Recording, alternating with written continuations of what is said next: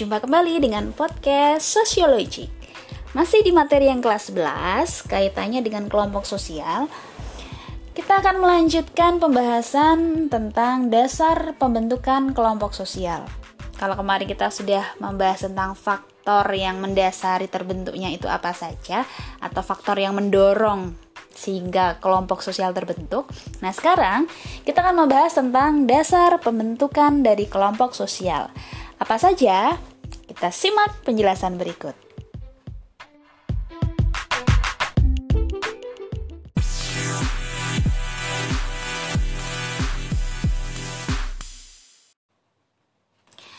Nah, sekarang kita akan bahas tentang dasar pembentukan kelompok sosial.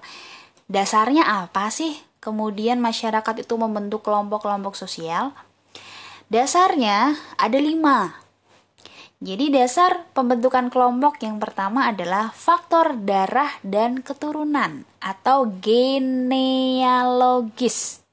Kita katakan itu. Apa itu genealogis? Dari gen, berarti keturunan.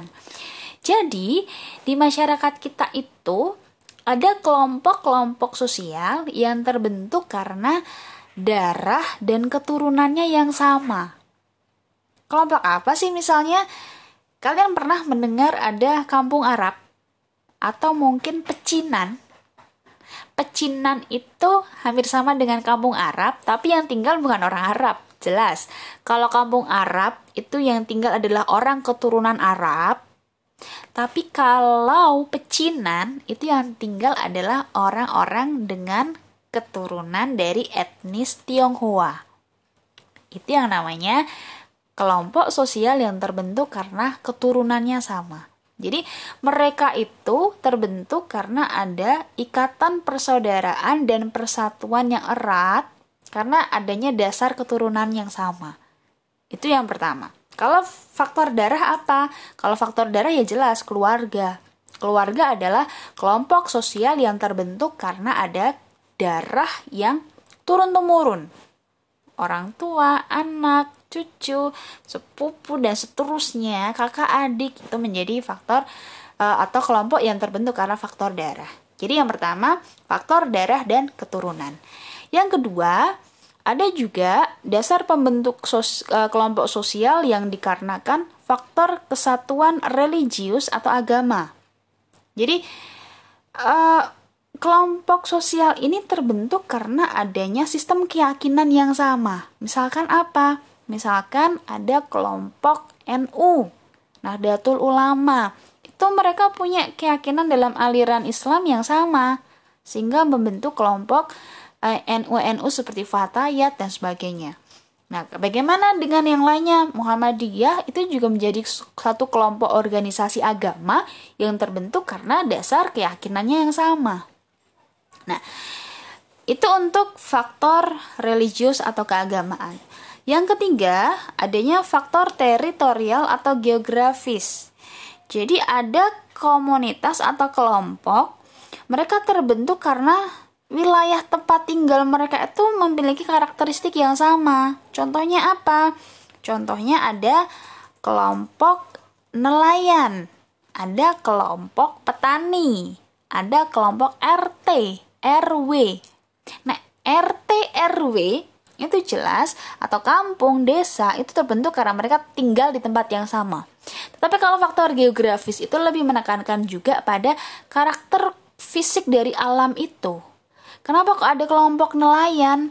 Ya karena mereka tinggal di wilayah pesisir, sebagian besar bermata pencaharian sebagai nelayan, ya terciptalah kelompok nelayan untuk memudahkan mereka dalam melaksanakan aktivitas profesi sebagai nelayan tadi.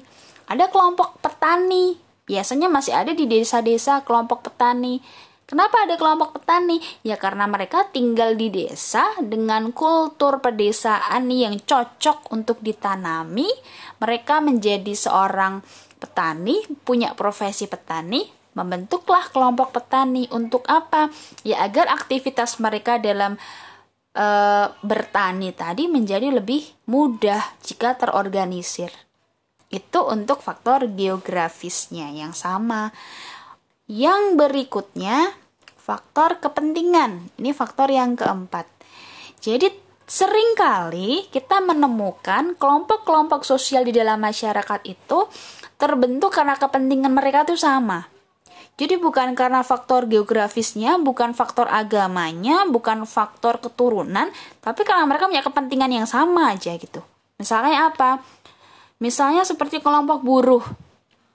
Kita sering melihat di televisi setiap tanggal 1 Mei atau May Day diperingati sebagai hari buruh sering kita menyaksikan aksi demo, aksi protes oleh uh, para buruh yang biasanya buruh ini sudah terorganisir. Mereka sudah punya perserikatan buruh, mereka sudah punya kelompok buruh sendiri. Nah, kok kelompok buruh ini terbentuk? Apakah mereka berlatar belakang agama yang sama? Jelas tidak. Apakah mereka berlatar belakang uh, dari tempat tinggal mereka semua sama? Jelas tidak. Apakah mereka satu keturunan yang sama? Jelas juga bukan. Tetapi apa? Karena mereka punya kepentingan yang sama. Apa kepentingannya? Mereka ingin memperjuangkan nasib mereka sebagai buruh agar lebih diperhatikan, agar lebih mendapatkan uh, pendapatan yang layak sesuai dengan uh, keringat yang dikeluarkan, misalkan seperti itu. Nah, itu untuk yang keempat Ya, ini faktor kepentingan mereka sama. Yang terakhir, adanya faktor ideologi yang sama.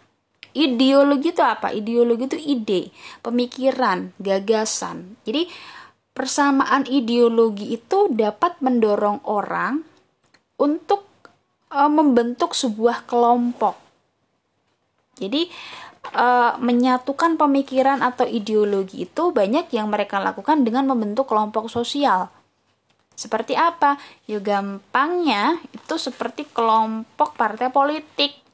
Partai politik itu kan punya banyak ideologi. Ada ideologi nasionalis, sosialis, agama.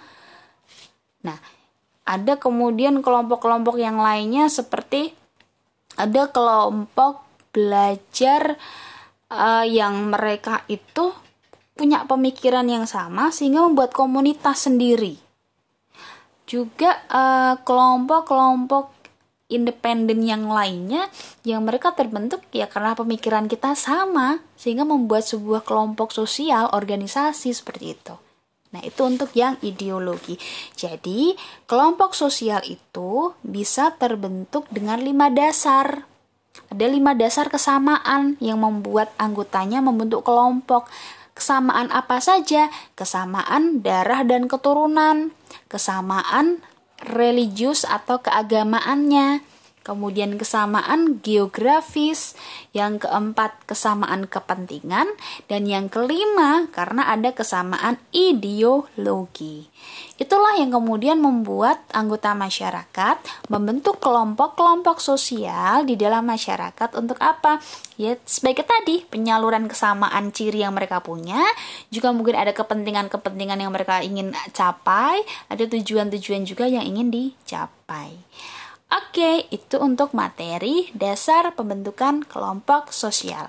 Kita akan ketemu lagi di materi yang selanjutnya. Bye bye.